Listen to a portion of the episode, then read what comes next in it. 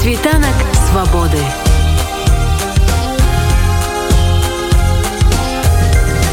спіць вольнасці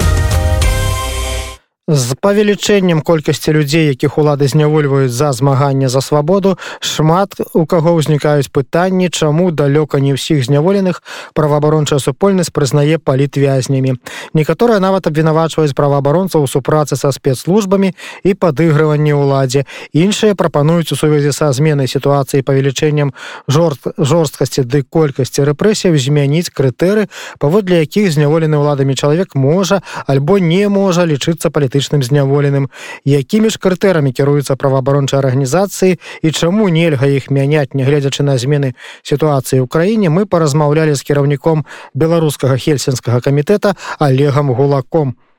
зараз шмат гаворыць про тое что вось маўляў праваабарончай супольнасцю прызнаюцца палітвязнямі далёка не все тыя хто зняволены рэжымом лукашэнкі. Маўляў гэтым самым праваабаронцы як бы падыгрываюць уладзе ў яе з гэтым рэпрэсіўным пераследзе. Распавядзіце каля ласка механізм прызнання палізняволенымі які дзейнічае на сённяшні дзень у праваабарончай супольнасці краіны і хто ў ім удзельнічае так уже давно десяток годов тому распрацаваны крытэрии кто такие палізняволеныя это крытэрии распрацаваны коалицией прадстаўнікамі розных э, праваабарончых арганізацый бы таким чынам это міжнародны документ. Процедура адбываецца таким чынам что праваабарончая супольнасць десяток арганізацый которые удзельнічаюць в этом процессе стала. Разбіраюць конкретные кейсы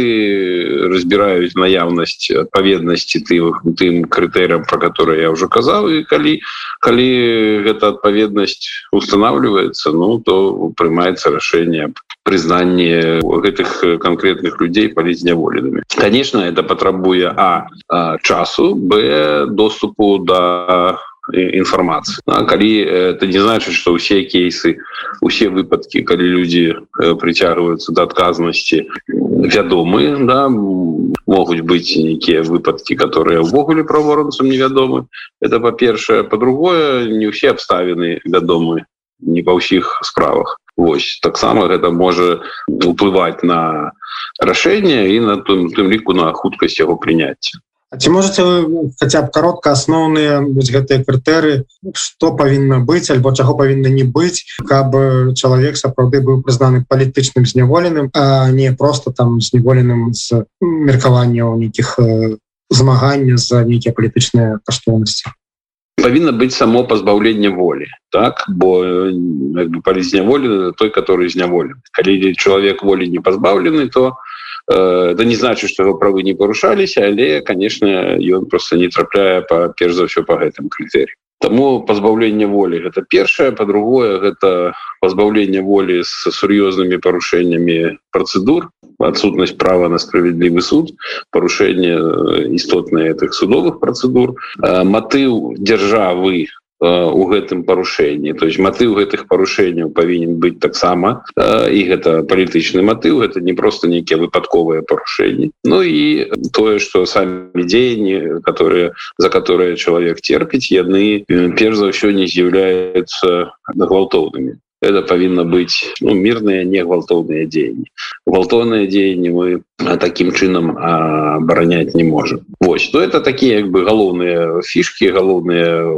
элементы этих крытэраў Ну а там яны да, да, дастаткова падрабязна распісаны на немало сторонах так. А, калі чалавек напрыклад ужыў все ж таки гвалтоўныя дзеянні але ў мэтах самаабароны альбо ў мэтах папярэджання затрымання свайго цніка гвалту з боку дзяржаўных структур ты же сілавых ведомстваў ці магчыма у гэтым выпадку ўсё ж таки э,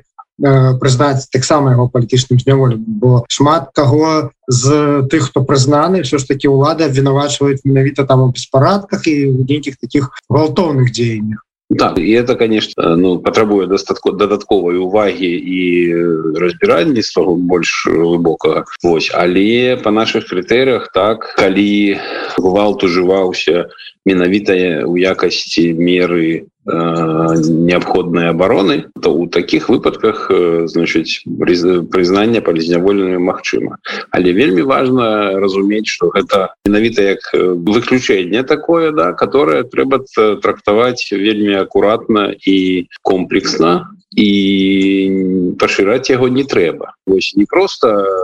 мы там нешта хорошее таким чынам хотели зрабіць а менавіта калі чалавек адбіваўся непасрэдна от того як каб яго ну вот ёсць это э, крытэрий э, неабходной обороны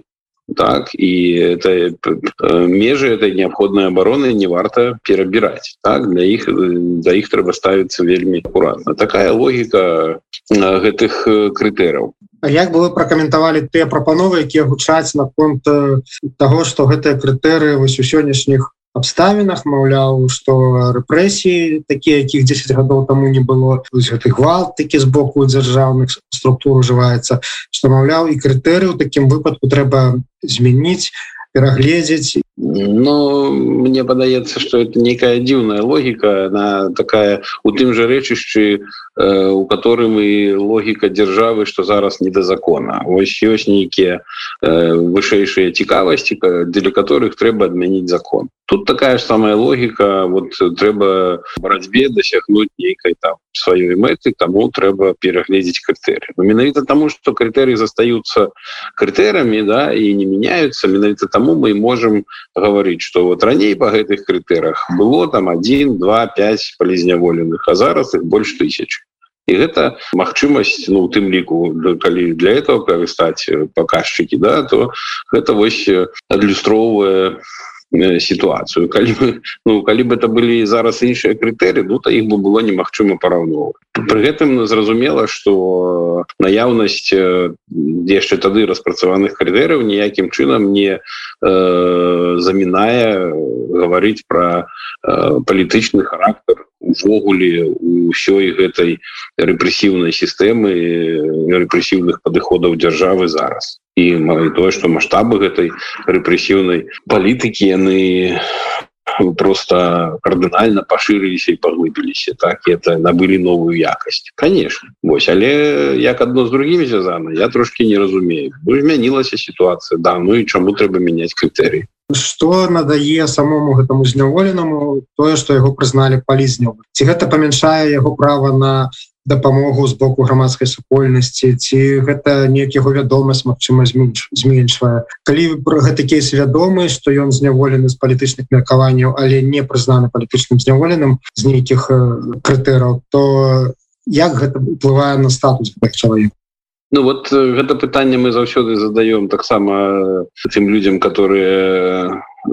которые чамусьці вот выбрали фокусом сваёй дзейнасці разбираться с этими крытэриями так? И с, с тым признанием которые робяць правоабаронцы няма права на атрыманне дапамогі. Ёсць хутчэй як бы нейкі грамадскі абавязак і грамадская мера такая падтрымки это вось падтрымліваць людзей которые несправядліва терпяць Ну калі чалавек не прызнаны палізняволеным э, это не значыць что ніхто яго не можа не можа падтрымліваць калі ласка падтрымлівайце это ж адно з другім ніякім чынам не звязана нават калі ты чалавек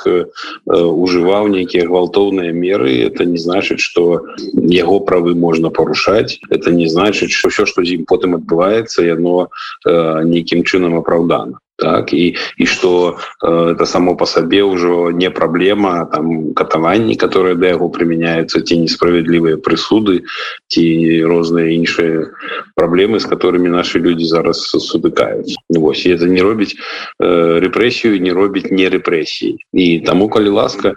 грамадства люди могуць э, права маюць права э, маюць магчымасць дапамагаць ім. Тое ж самае як і непрызнанне палізняву задаволеным ці скажем тое что э, не было проінфармавана что вот эту справу разглядалі і не і не признали так? Это ніякім чынам не сведчыць аб тым что э, там праваабарончая супольнасць нейкім дадатковым чынам асуджае такія дзеянні наадварот менавіта для того каб наши на наши вот эти захады по прызнанні палізняволенымі каб яны не нікому не шкодзілі мы ніколі не рассказываем что нейкія кейсы мы разглядалі але вырашылі не прызнаваць да, вырашылі что яны там не трапляюць по нейкіх прычынах под наши крытэры менавіта з таго пункту гледжання каб это не было скарыстана супраць чалавека дзеля далейшего там пагаршэння яго яго становішча. У этого прызнання іншыя мэты іншая логіка і я не разумею чаму увесь час это вот блытаецца хотя мы говорим про это уже больш за паўгады может быть год апошняе той больш. І это пытанне увесь час усплывае як быццам бы першы раз А я хочу нагадаць у чарговы раз пра лёс нашага калегі палітвязня Анджая пачобута яго беларускія карныя органы зняволілі 25 сакавіка мінулага года і з таго часу ён без аніякага суда знаходзіцца за кратамі за сваю журналісцкую дзейнасць крытыку саміх сябе ўлады абвясцілі распальваннем варажнечы Світанак свабоды.